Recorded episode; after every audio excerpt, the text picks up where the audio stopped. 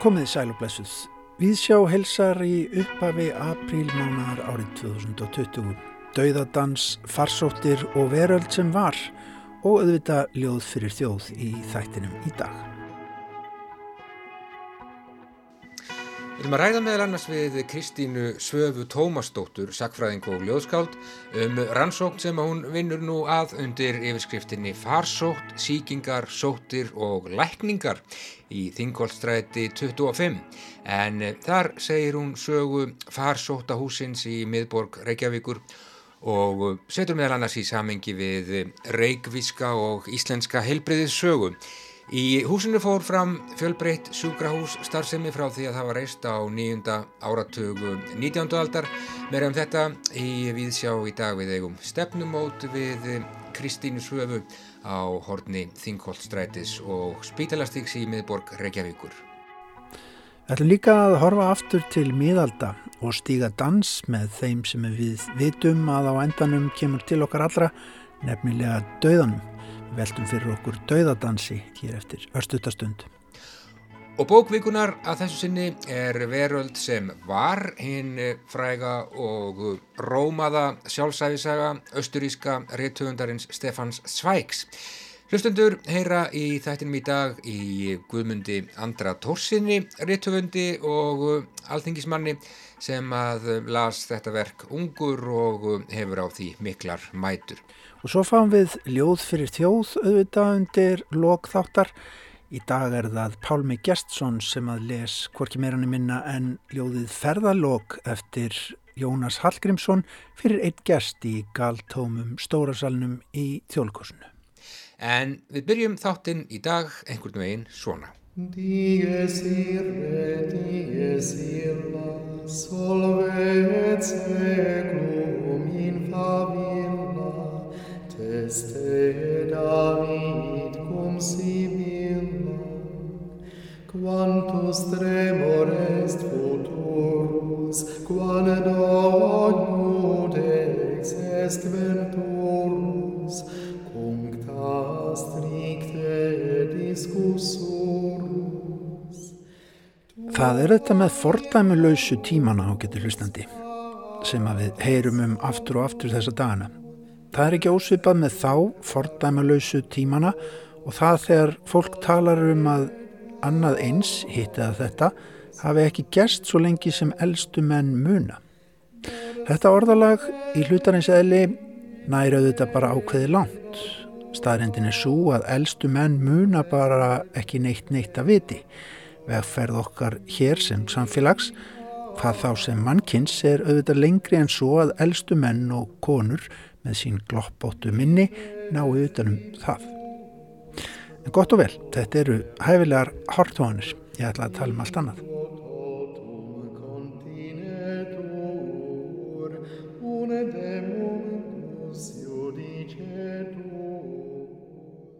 Því svo er það sagan, saga mannkins, saga þjóða, saga stopnana sem jafnvel ná eins og kirkjudildirnar yfir landamæri, saga átaka, saga stríða og líka saga pesta sem segir okkur eitt og annað um aðra tíma. Allt aðra tíma sem voru kannski stundum líka álitnir fordæmalöysir á meðan þeir gengu yfir. Elstu menn mundu þó bara ekki annað eins og fössuðu. Og þessi saga er skráð í allskynns heimildum og frásögnum, meðal annars í list af ýmsutægi sem að aldirnar hafa skilið eftir sig.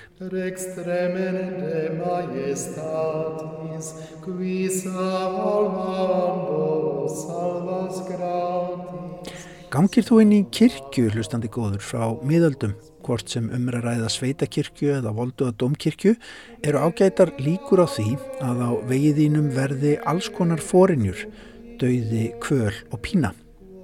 Ekki er til dæmis ólíklegt ef kirkjan er gottnesk domkirkja að þú gangir undir domstagsmynd þar sem að Kristur situr í miðju og dæmir lifendur og dauða á æðsta degi. Öðrum megin er hinum uppristnu hleyftin í himnavistina en hinum megin er þeim fordæmdu kastað niður til heljar.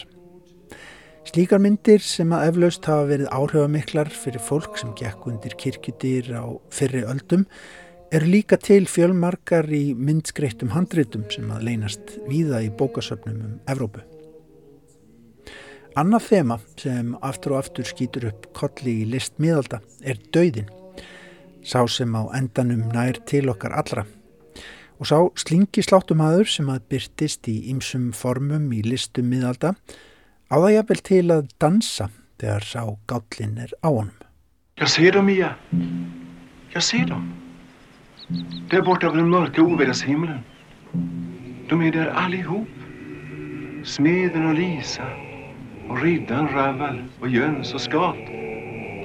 Och den stränga herren döden bjuder dem till dans. Han vill att de ska hålla varandra i händerna. Och så ska de tråda dansen i en långa rad. Och först går den stränga herren med, med lie och timglas. Í blálókin á kveikmyndinni sjöunda innsiklinu eftir Ingmar Bergman horfir leikarin og sjáandin Joff upp á hæðina og sér þar riddaran Antonius Block sem að áður er búin að tepla við sjálfan dauðan í frægu atriði dansa á samt hópi fólks upp á hæðinni. En svo oftar sækir Bergman þarna í þemu sem eiga sér sögu langt aftur til miðalda en það gerist myndinars, jú, auðvitað á 14. öld. Í þessu tilviki vittnar Bergman í hugmyndina um dauðadansin, Dans Macabre, sem er lífseg sögn eða allegória frá síðmiðöldum um dauðan. Með jarneskum dansi er dauðin personugerður þar sem hann leiðir hóp af dönsurum frá öllum æfiskeiðum til gravar. Þar eru allir dregnir með í dansin, ungir og gamlir, keisarar og kotungar, rittarar og ölmusumenn, æskublómin og elli kettling. Einlegin til að sætt okkur við það sem að við vitum að nær okkur að lokum er að segja af því sögur, dansa og það hafa menn gert um aldir.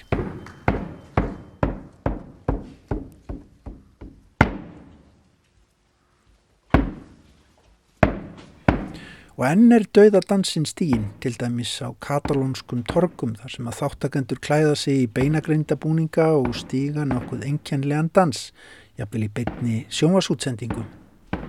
Heimildur um þetta ná allt aftur til 15. aldar en vitað er um myndskreitingar í gravreiti einum í París árið 1424 í miðju 100 ára stríðinu þar sem slíkur dans var myndgerður upp á vegg. Ságravreitur þurfti síðar að víkja fyrir búlevarða gerð síðari tíma í heimsborginni. Á miðöldum var dauðinu auðvitað nálaðari fólki en við eigum að venjast. Um miðja 14. öld náði svarti dauði, Mors Nígra, auðvitað mörgum, en hann kom ekki til Íslands fyrir en upp úr aldamótunum 1400. Á 15. öld sló pestin sér niður aftur og aftur, ekki síst í bæjum og þorpum Evrópu. Þó ekki sé saman að líka þeim skjelvingum og því sem við tökumst á við í dag er þar kannski komið fram þetta með fordæmaleysið sem við tölum um nú.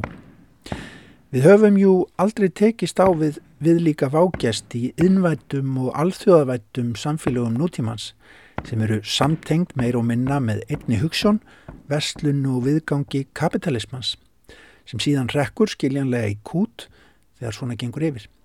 Upphefst þá spírall sem erfitt er að ráða við þegar allir hugsa fyrst og síðast um sjálfan sig.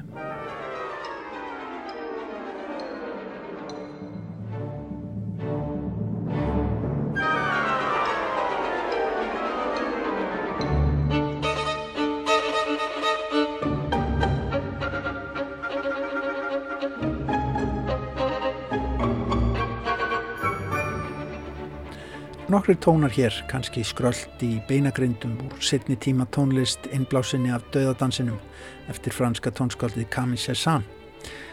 Og áfram með dansinn, því hann stoppaði ekki og stoppar aldrei, lætur engan ósnortinn þrátt fyrir sinn óvisa tíma.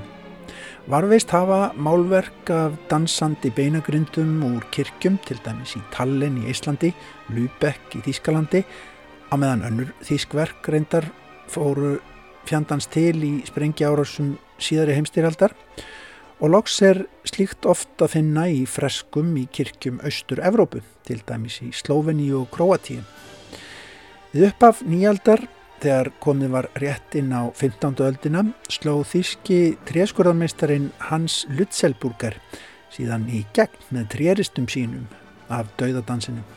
Serju ríflega 40 mynda sem hannaðar voru af öllu þekktari manni í myndlistasögunni, nefnilega Hans Holbein Yngri sem að starfaði bæði víða um meginlandið og Breitlandi á sínum tíma með góðum árangri. Tréskurðarserja þeirra félaga var einlega hálgerð meðsöluplata þess tíma. Útskurðarmeistarin lést 1528 en það kom ekki í veg fyrir að hægt var að útbúa einar 11 útgáfur af verkunum fram eftir öldinni og á næstu öld, þeirri 16. bættust við týjir ólöglegara útgáfa af safninu. Hver segir svo að sjóræningja yðnaður menningar aförðana sé eitthvað nýtt undir sólinni. Og það var heldur enginn fyrða að menn vildu egnast bókina því margir álitu að enginn útskurður væri meiri af gæðum en verk herra Lutzelburgers.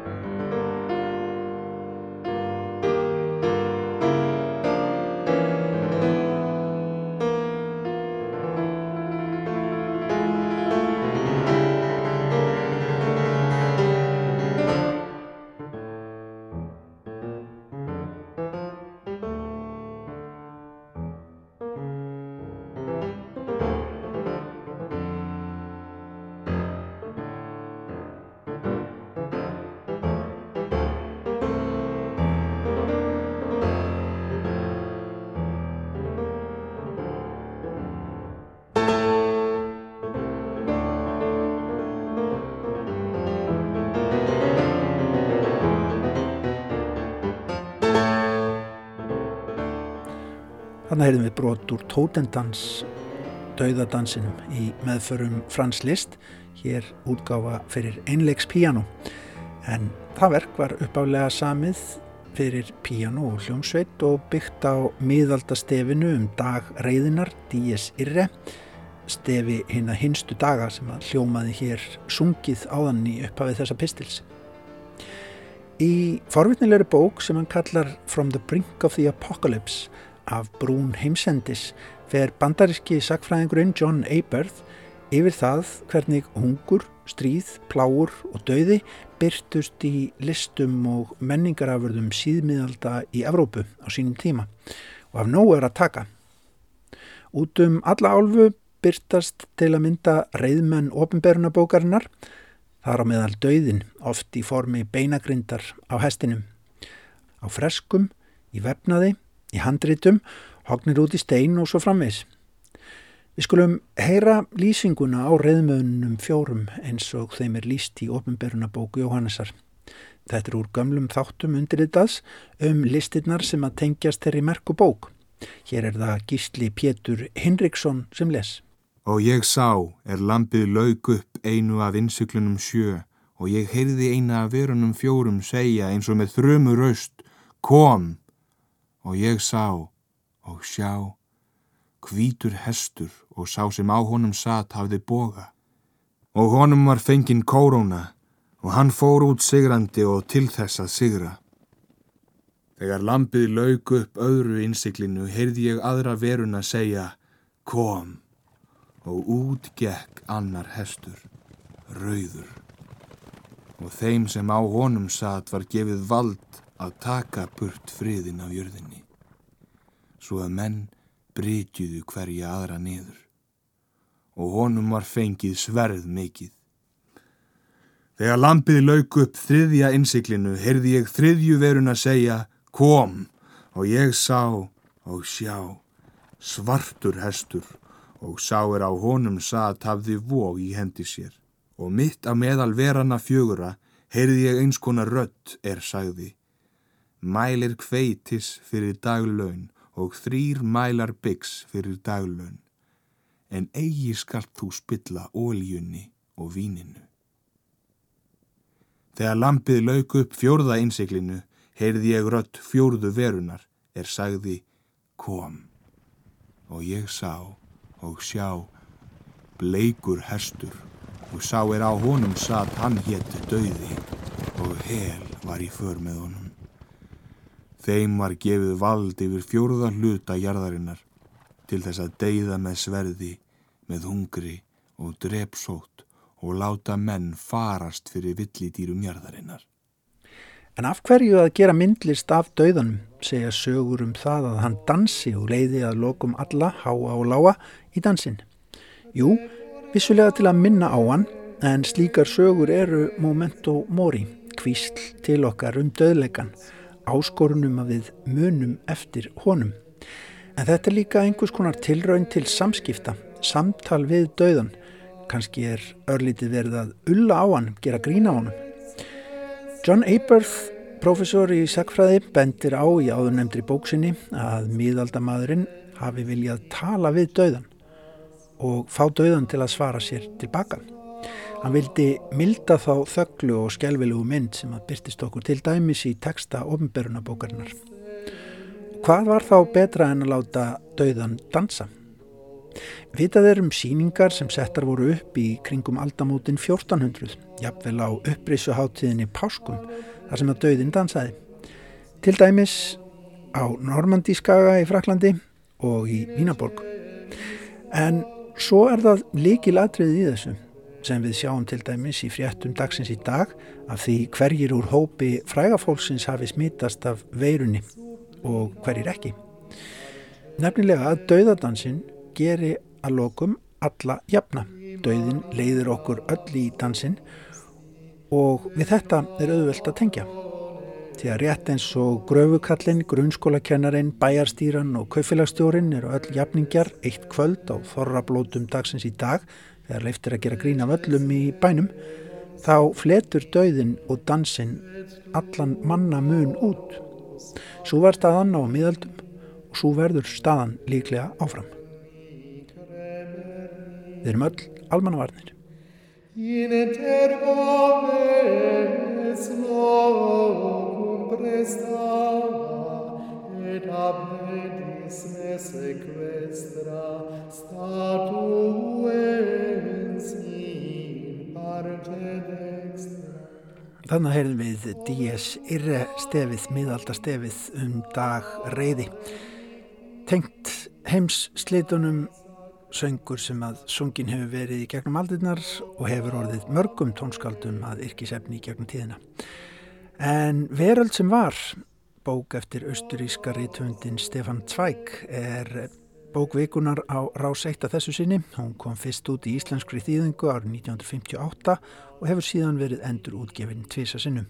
Þýðinguna gerður þeir Haldur Jóð Jónsson og Ingólfur Pálmarsson og báður voru mentaðir íslensku fræðingar. Við skulum grípa niður í viðtal sem að Jórun Sigurdóttir átti við Guðmund Andra Tórsson, reytöfund og alþengismann. Hann hefur dálæti á verkum Stefans Svæk, ekki síst þessari sjálfsæfi sögu hans sem hann kynntist ungur.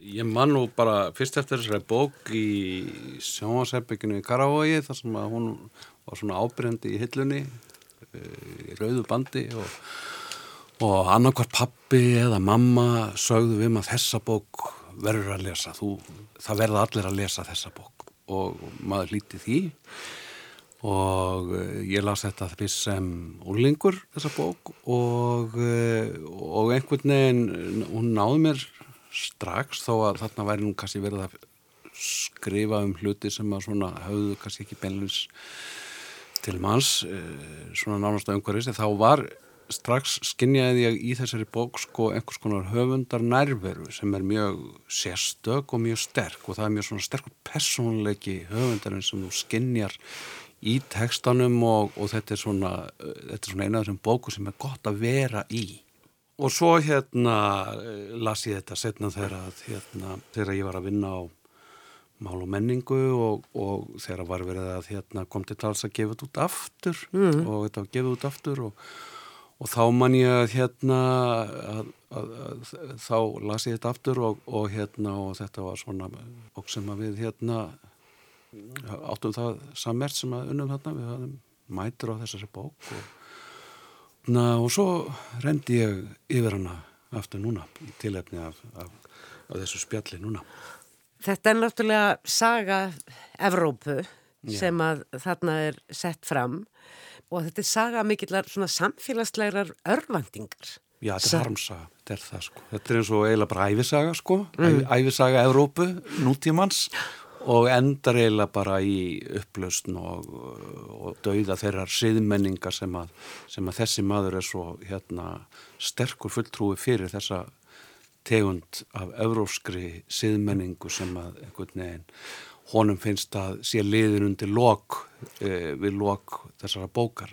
En það fór það svo að hann stýtti sér aldur hérna, ekkit löngu eftir að hann hefði skrifað þessa bók þar sem að hann var hann var e, vegalaus eh, hann var gýðingur mm. vegalaus evróskur gýðingur og niðurkomin í, í, í Brasilíu með eiginkonu sinni e, og þau stuttu sér, sér aldur þar. En, en hérna það er endar daldi sláandi e, með þessa bók að, að hérna hann minnist aldrei á, á hérna eiginkonu sína, hann nefnir hann ekki og það er sen- sennilega ásettur ráði sko, hann, hann talar um það sjálfur að, að hérna hann sé dölur maður og, og hérna hann vilji, vilji halda sínu enga lífi út af fyrir sig.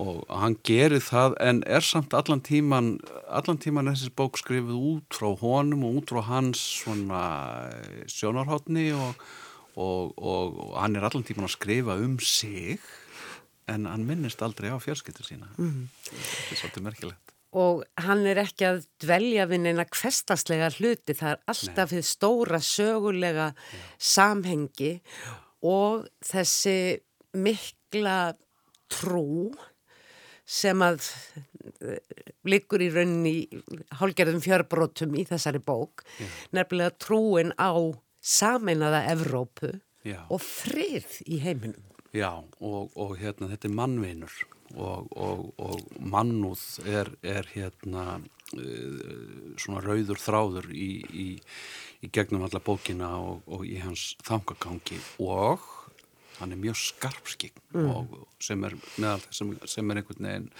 gerir þessa bók svo sérstaka og, og einhvern veginn dýrmæta. Maður sér þetta strax sko þegar hann er að lýsa þessu, þessu, þessu, þessu, þessari gömlu Evrópu sem að hérna er í rauninni frá því fyrir aldamóti 1900 uh, og hann að lýsa hlutskipti kvenna því ég nefndi nú áðan að hann, hann minnist aldrei á eiginkonu sína þá, þá er það eh, samt sem aður alls ekki svo að hann sé blind hann sé haldin kvenn blindu eins og, eins og margir karlmenn og karl ríðtöfundar eru heldur, heldur hérna lýsir hann á miklu, mikil skarfskigni hlutskipti kvenna finnst mér í, í, í því þjóðfélagi sem að hérna í, í þessari gömlu Evrópu og, og, og, og, og kúun kvenna og bælingu líka kemferðislífs og, og tilfinningarlífs og hérna og finnst að lýsa því afskaplega vel hvernig það var að vera ungur í Östuríki e, á, á fyrstu áratugum e, 20. aldar og, og, og svona undir, undir aldamótin og, og hvernig seti var á ungu fólki og allir kappkostuð að reyna að virka hens gamlir og þeir gátu og hérna og þú áttir að vera gamall og ráðsettur og hérna og áttir helst ekki að festa ráðið fyrir einhvern tímann að festusaldri eða, eða komast í almennilega vinnu fyrir en fyrir en kringum verdugt. Mm.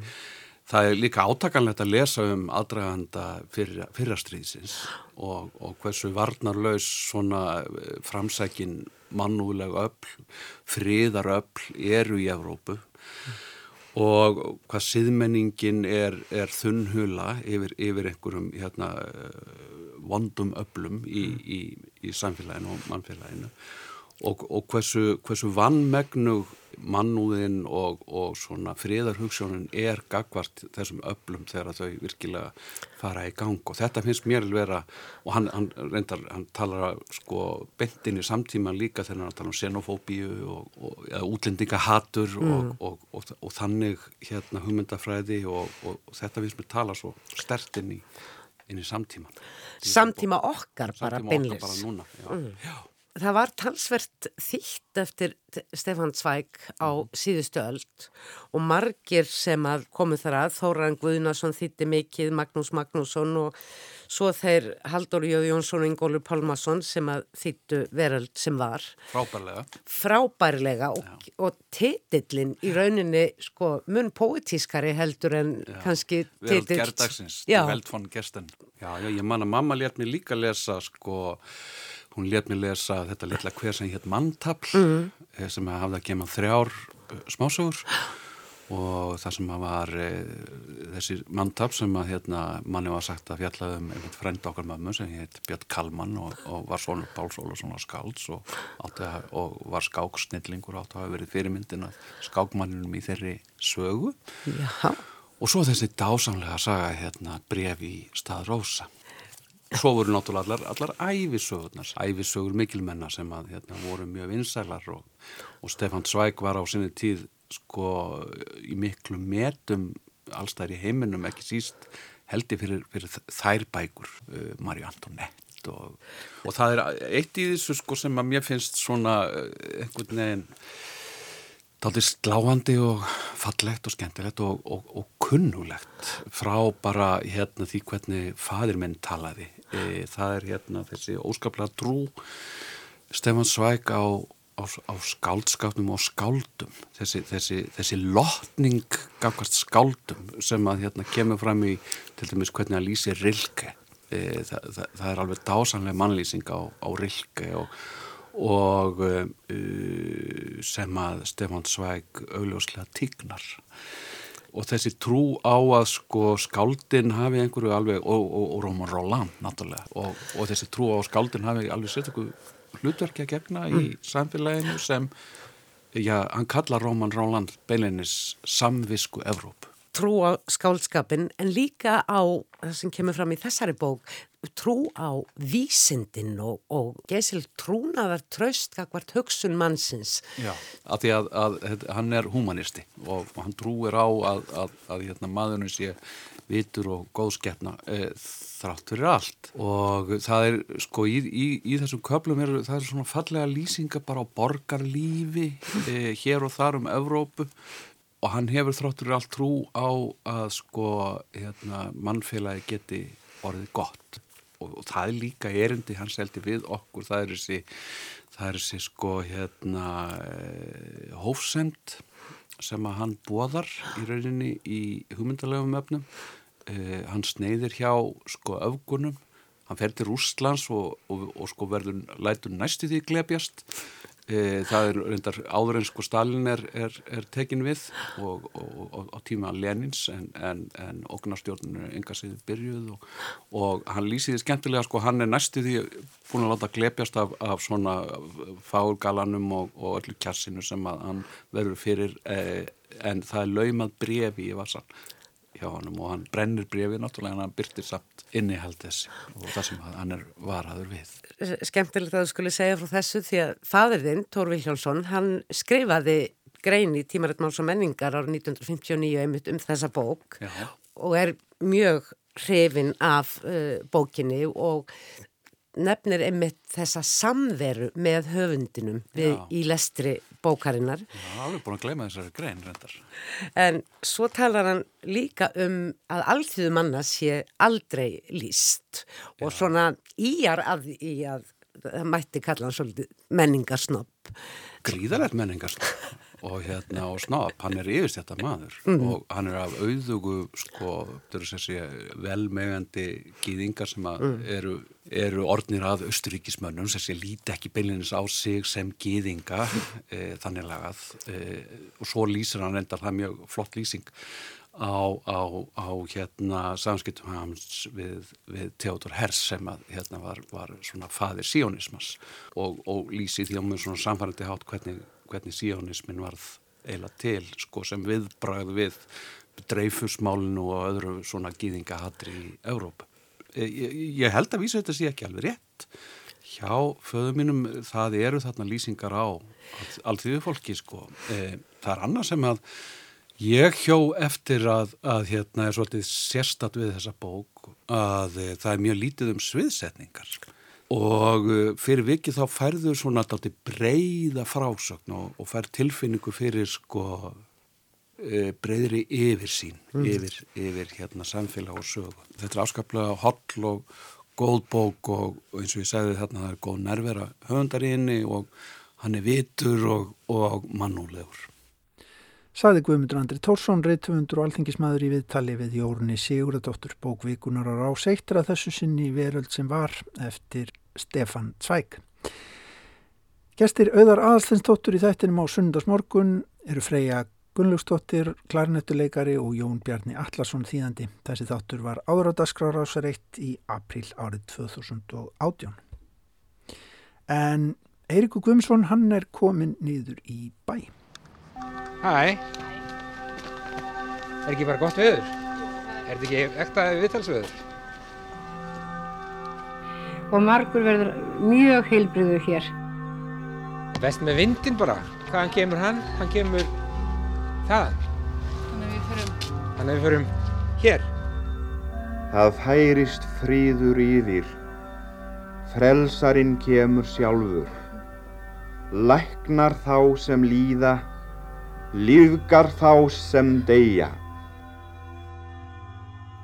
Og svona hefur þetta gengið Svo hefur þetta gengið síðan. svona það hefur verið Hér er tekið á farsóttur. móti farsóttasjúklingum Já, já. árið eftir ár. Ár eftir ár hefur tekið á móti farsóttasjúklingum en svo minkuðu farsóttin í bænum þegar var farið að einangra þær og til þess að uh, hafa það ekki svona á heimilunum svo það smittaðist ekki, það var einangra hér og það var miklu minni farsóttir eftir það.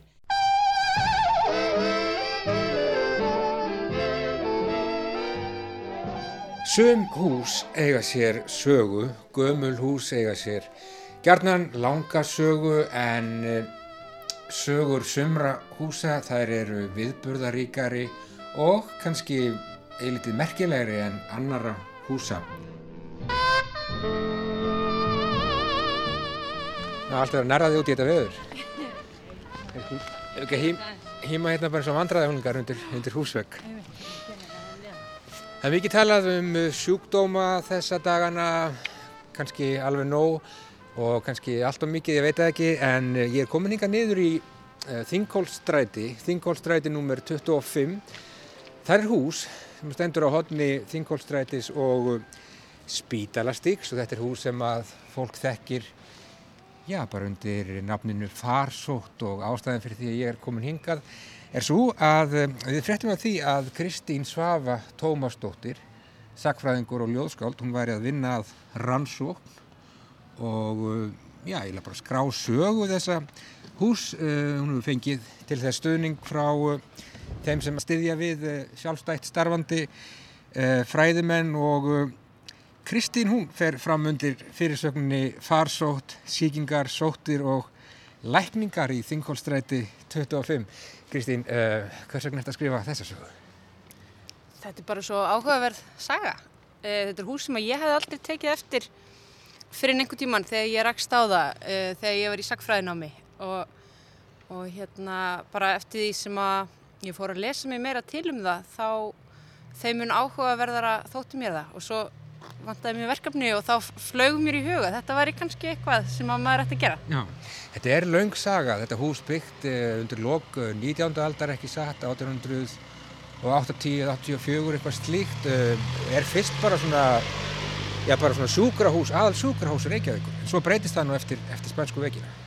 Já, uh, það er sérst byggt 1884 og, og auðvitað ástæðan fyrir því að spítalastígur heiti spítalastígur er þetta, er þetta hús hérna hodninu uh, og það er byggt af uh, félagi sem hétt Sjúkarhúsfélag Reykjavíkur og hafði verið starfandi í, í tæpa tvo áratvíi og reykið sjúkrahús nýri kirkjustræti uh, á efri hæðinni á aðal djamstæðinum í bænum. Og svo þótti það ekki alveg ganga lengur þannig að það var ákveðið að ráðast í að byggja þetta hús. Og þetta var svo sem sagt, aðal sjúkrahús Reykvíkinga fram um svona aldamótin eh, 1900 þegar það komu sem sagt, svo kom franski spítalinn og landakottu spítali. En þanga til þá var þetta aðal sjúkrahúsið.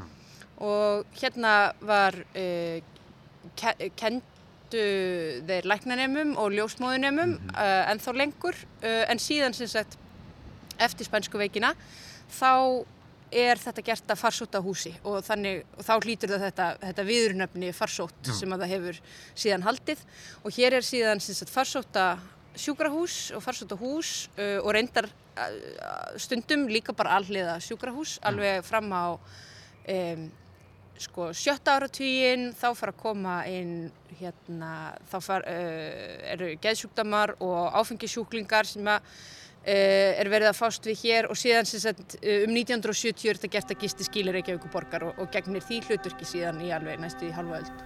Góðir hlustendur, þegar til tals kom að ég heimsækti eitthvað sjúkrahús um þessi jól til þess að geta gefið almennum hlustanda einhverju óbóriðlað vittneskju um mannlífi þar innan veggja, því kyrláta líf hins vanheila og þess sem honum hjúkrar, þá kom ég strax í hug að réttast myndi að heimsækja eina reyndustu hjúgrunarkonu landsins og þá stofnun sem hún stýrir, jamt af skoðrúnskap sem hjarta lífum. Þannig að þetta hús hefur gengt uh, já, margskonar hlutverkum í gegnum tíðina. Sko, þú ert að, að setja þessa sögu, sögu þess sem að hér hef- hefur farið fram svona í samhengi við uh, já, bara íslenska heilbriðissögu, reykvíska heilbriðissögu. Já, og einmitt, þetta er svona undir titillin sem ég er að vinna með núna. Það er þessi hérna síkingar, sóttir og lækningar. Þetta er svona, e, það hefur ekkert rosalega mikið verið skrifað e, í íslenskar helbriðsögu, alveg soldið en ekkert rosalega mikið. Þannig að það er mjög margt sem að, e, Margar kloppur. marga gloppur sem er gaman að fylla, sko. Og hérna, og já, og ég er svona að reyna að horfa á þetta pínu uh, breytt og líka í samhengi við einmitt bara samfélagið og, og menninguna og svona hvernig uh, hugmyndir fólks voru um það að vera veikur og heilbreyður og, og til dæmis núna er ég að vinna bara í þessum fyrsta hluta, þessum fyrsta þessum fyrstu tímabilum svona hérna uh, fram á fyrstu áratíu 20. aldar og, og bara svona það er gaman að velta fyrir sér Hva, hvað var það sem að hérna hvernig gætt fólk leita sér lækninga, hvert fór það Við þessum sjúkdómum á borð við skarlatsótt, uh, heilahimnubólgu, barnaveiki, berklar og svo framvegis og svo framvegis. Já, bara alls konar sko. og hérna, já, bæði, bæði smittsjúkdómar og svo er auðvitað líka gaman að pæli bara svona e, hvað hérna muninum á því sko ef maður er með einhverja slæmsku. Mhm. hvenar lítur maður svo á að það sé svo alvarlegt að maður leti sér hjálpar? Já. og hvert fer maður, hérna ofar í götunni á spítalistíknum setna bjóð til dæmis Lárus Pálsson homopati eh, og eh, neðar í Þingholtstrætinu var tilraunafélagið með sitt spiritista hús og indriða miðil Mhm. og hann var að stundalækningar líka og það er gaman að, að hugsa um þetta líka í samhengi við svona þá möguleika sem voru í bóði, getur við sagt. Já, og hugsa um staðsetningu þessar hús. Já, algjörlega. En síðan líka þessi svona sóttvarna vingill er auðvitað líka mjög áhugaverður og það er í rauninni þessi svona e, fyrstu ár og áratugir, þessi svona, þessi svona seinasti áratugur, rúmlega 19. aldar sem að sko síklafræðin er svona að festa sig í sessi Já. á Íslandi. Þannig að e, út frá einmitt svona pælingum um smitt og, og sóttir þá er þetta áhugaverð. Sem að við erum einmitt að hugsa mjög mikið um þessa dagana.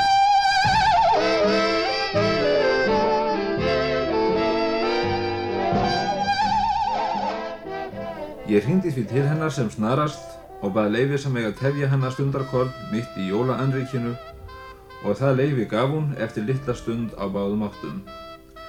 Þessi kona er Marja Mopp, forstöðukona farsótahúsins í Reykjavík en það er elsta sjúkrahús bæjarins þeirra sem enn eru í starfrækslu. Það er raunar einnig hvað minnsta sjúkrahúsið hefur aðeins á að skipa hálfum fjórðatögu sjúkrarúma en eigi að síður mjög virt stofnun og vinsæl á sína vísu. En uh, sko, uh, þú myndist á það að þetta væri svona brotakent saga, íslensk heilbreyðisaga, en ég bara saga smitt sjúkdóma og sóttvarna á Íslandi, hún er, hún er merkileg og hann á að mörgulegt eftir að skrá. Já, það, haf, það hefur auðvitað eitthvað verið skrifað. Þið voru nú að tala við hann Jón Ólaf Ísberg um Mhm. daginn sem að hefur einmitt skrifað svona aðal yfirlitsritið yfir íslenska heilbreyðissögu. Uh, ég hef afar gaman af að lesa reitgerðarsafn Vilmunda Jónssonar, uh, hérna Lækningar og Saga, sem er rosa, hann hefur verið algjör heimildanörd, ég fíla það mjög vel. Eh, Þannig að hann skrifaði svolítið hérna ítalega um uh, ígerðarvarnir og svona upphafs á skurlækninga þegar það hefur verið einhvern veginn að reyna skera fólk upp á þess að bara taka ofstórar áhættur með því. Þannig að já, það er mjög margt. Og það eru, já, þessar, þessi sótvarnasaga, um, nú, já, Gunnar Þór Bjarnason hefur nú líka verið svolítið í, í útvarpinu kollegi minn sem er að skrifa um spænsku veikina, þannig að það er nú svona ímislegt sem er verið að skrifa en, en já, margt, margt sem er eftir. Já. Á Þorláksmessu var leiðangurinn gerður í spítalan á horni spítalastíks og þingolstrætis. Ég fekk í lið með mér annan útvarsmann, sér að Emil Björnsson, sem er góðkunningi, frökun Marju Mokk. Og svo lagði teknideldin til tvo upptökumenn, Henry Eiland og Magnús Hjálmarsson og þá var sendinemdin fullskipuð. Af því að ég veit, Kristín Svafa, að þú ert með svona manneskulegan vingil á þetta eh, verkefni. Hvað með heimildir bara um já, lífið í, í þessu húsi? Persónulegar frásagnir, sjúklinga, starfsfólks? Það er um, auðvitað pínu erfitt, maður þarf svolítið mikið að gramsa og kreista fram úr heimildunum stundum. Um, ég er búin að vera að fara mikið í gegnum skjálasaflandlæknis og það er svona leynast ákveðni hlutir þar, uh, ekki mjög mikið. Uh, svo er eitthvað í svona æfiminningum, um, það eru alltaf ákveðnar svona gloppur og skekkjur, til dæmis bara ein augljós er að kallarnir voru svolítið að skrifa auðminningar sínar og læknarnir en uh, miklu, miklu minna konurnar sem voru hérna. Uh, tvær mjög merkilegar konur sem að í rauninni uh, tengjast mjög náið sögu þessa hús bara fyrstu hvað, 80 árin eitthvað svoleiðis. Hér sem sagt, var sama forstöðukona alveg frá 1884 og fram til svona 1915 árið fyrir þá sem hún flutti Guðrún Jónsdóttir, ljósmóðir og það er til dæmis mjög erfitt hún bjó hér áratugum saman þannig að hún er mjög stór hluti af, af söguhúsins en það er alls ekkert rosalega mikið af heimildum um hana Nei. og svo hérna í minni margara e, sem að eldri eru í dag er hérna konanafni Marja Bótildur Jakobína Mokk e, mjög tengt þessu húsi því að hún var hér e, það er nú aðeins meira, meira til heimildur um hana en, en ekkert frá hennar eigin hendi svo sem Nei. En við eigum rödd hennar í, í Segurbandasafni Ríkisútasins. Já, og það er smá, mann ekki hvort það er eitthvað smá ísmús, en ég á eftir að fara að hlusta á hana hjá ykkur, sko, alveg klálega. Þá erum við komnir hér frá útvarpinu í heimsókn í Þingholstræti 25, farsóttahúsið, þar sem hefur verið sjúkrahús áratugum saman og hér erum við komnir inn í enga stofu fórstöðukonunar, frökun Marju Mokk og viljum nú eiga við hana lítið samtal. Um, já, það er náttúrulega, þú tekur þennan kynja sögulega vingil á þetta og hvenna sögu uh, vingil á þetta verkefni um, og það er náttúrulega eins og þú nefnir er erfiðar að fá, fá heimildir um, um það sem tengist, tengist konum og húsinu. Það er það, stundum, þá verður maður bara að vera svolítið útsjónasamur í rauninni og það er samt, sko, það komi nú á óvart ótrúlega mikið af svona áhugaverðum karakterum sem að tengjast þessu húsi svona þegar maður fer að þetta, einmitt, þetta var náttúrulega sko svo mikið aðal sjúkrahús og margir sem að í rauninni komu hérna við. Þannig að ég er nú búin að finna býsta mikið af áhugaverðu fólki og þar með konum. Eh, eitt sem ég komst að til dæmis eh, er að Júlíana Jónsdóttir fyrsta útgefna skáldkona okkar Íslendinga hún starfaði hér sem eh, einhvers konar svona ómentu hjúkurnarkona eða við umönnun eh, áður en hún flutti vestur um haf. Ég fann til dæmis breyf frá henni. Elínborg Lárusdóttir, önnur skáldkona okkar, hún hérna eh, bjó hér um tíma áður en hún fór á í Vilstahæli um 1910. Um, Lára Miðill lág hér um tíma. Þarna sérðu. Já, þannig að það eru nú ótrúlegustu típur sem hafa komið hér við. Nákvæmlega. Og þessir ágætu læknir sem við höfum haft við Kjartanar Guðmundsson, Kristján Þorvarsson, læknir og Grími Magnússon, þeir gera allt sem þeir geta til þess að gera það heilbriða. Það er nú gott Og að það er dásamlegt að sjá sjúklingana fara heilbriða frá læknarunum og sjúkrúsinu. Já, það má hún er ekki geta. Eh, það er einhver mystik yfir þessu húsi, mér er alltaf fundist það. Það er svona dularfullt einhvern veginn eh, og hérna var líkhús, Eh, það voru fleiri hús hérna á þessari lóð en það er einhver, er einhver mystik yfir þessu húsi sem að er, já, stendur nú bara aukt í dag, er ekki? Jú, það Og er gistiskíli... í enga eigu? Já, gistiskíli flutti 2014 og húsi stendur hefur staðið eitt, aukt síðan en er í enga eigu og það eru nú uppi einhverjar áallanir um að breyta því í búarhús. Já. Ég er auðvitað mjög uh, hérna, spennt fyrir því að, að fjárfesta í íbúð í þessu húsi. Þú má teima hér.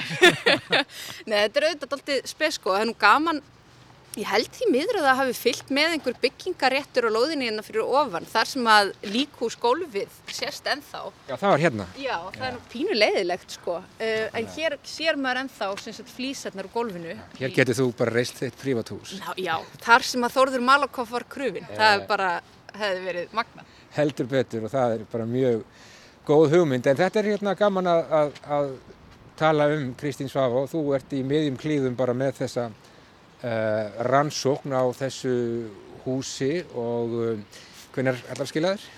Hvernig fáum við meira að heyra? Stór spurning. Um, Nú svipur á þig. já, uh, nú er ég á kafi í öðru verkefni en það fer að líða því að ég geti aftur hérna sögt mér þetta og ég var einmitt að renna yfir glósutum mínar þegar ég var að fara að tala við þig og, og hlakka gríðarlega mikið til. Þannig að vonandi er ekki allt og langt þannig. Ég hlakka líka mikið til, þú ert ljóðskáldur, eitthvað ljóðrænt við, við alla þá eind sem hefur verið í þessu húsi, sjúkdómar og Guð má vita hvað. Það er alltaf eitthvað ljóðrænt við allt. Alltaf. Farsótt, síkingarsóttir og um, lækningar í Þingholtstræti nr. 25 í miðborg Reykjavíkur. Ég segi bara takk fyrir spjallið. Kristín Svafa, það við stitt upp. Góðið vel, takk. Það er alltaf fullt hérna af svona fólki sem, vil, sem er að hressa sig og margur verður mjög heilbriðu hér. Það færist fríður yfir, frelsarinn kemur sjálfur, læknar þá sem líða, lífgar þá sem deyja. Heilög gleði hátíð, himni á og jörðu, um alla eilíð stendur, umvafinn dýrð og fríði. Ég þakka ykkur kærlega fyrir komin af útvarpinu. Það var Baldur Pálmarsson sem baði um að mig að koma hingað og ég er mjög þakklátt fyrir að hann kom. Sér Emil og eins hinnum tveimur sem hafa komið með þér, Magnús Hjálmarsson og Herri Eiland.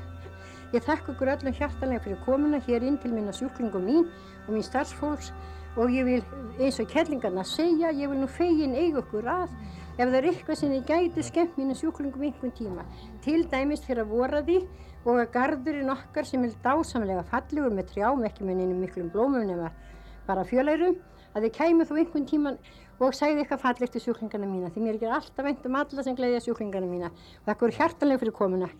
Takk miklu fremur. Að svo meldu óska ég ykkur öllum hjartanlega gleðilega jóla og vona að þið verðið heilbrið og hress sem fyrst og uh, geti notið næstu jóla á heimilum ykkar.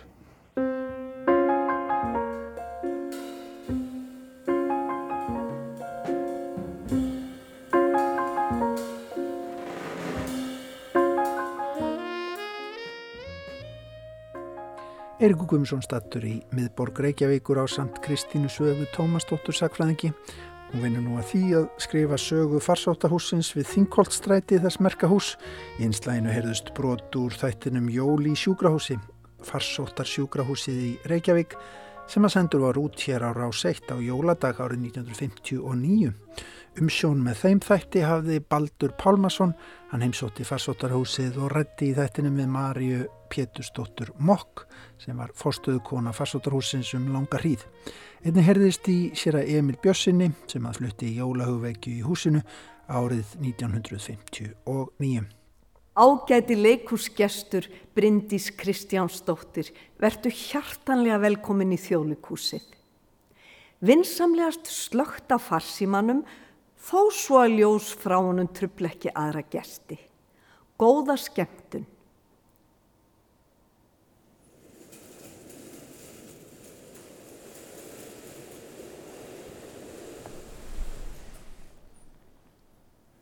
Ferðalog eftir Jónas Hallgrímsson.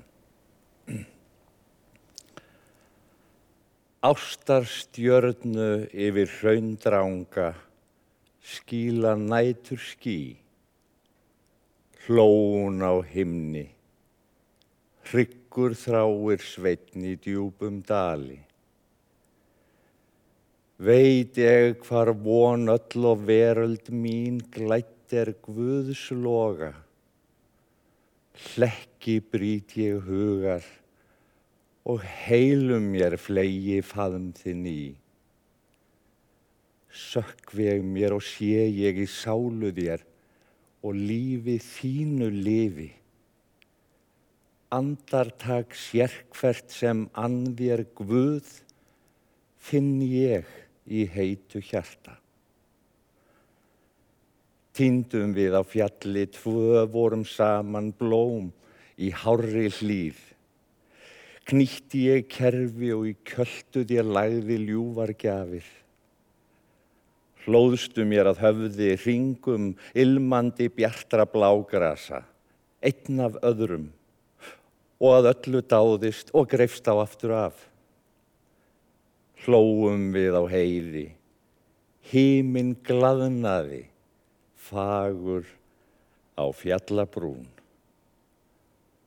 Alls indi þótti mér ekki vera utan voru lífi lifa. Gretu þá í lautu góðir blómálvar, skilnað okkar skildu. Dögg það við hugðum og dropa kalda kistum úr krossgrasi. Hjælt ég þér á hesti í hörðum ströymi og fann til fullnustu blómknapp þann gæti ég borið og varið öll yfir æfi skeið. Greitti ég þér lokka við galtar á, vel og vandlega. Brosa blómvarið, blika sjónstjörnur, róðunar heitur hlýr. Fjær er nú fagur í fylgðinni, sveitn í djúbum dali. Ástar stjarna yfir hraundranga, skín á bakvið skí. Háa skilur netti hímin geimur, blað skilur bakka og egg, en anda sem unnast fær aldrei eilífð að skilið.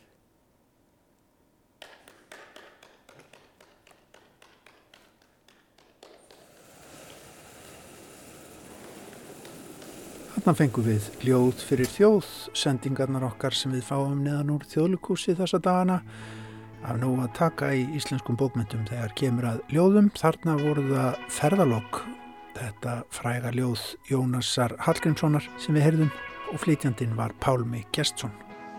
Já, þá erum við komnir á leiðarenda í dag, þennan miðugudag, uh, fyrsta dag apríl mánadar. Við verðum hér aftur á okkar tíma, löst eftir klukkan fjögur á morgun.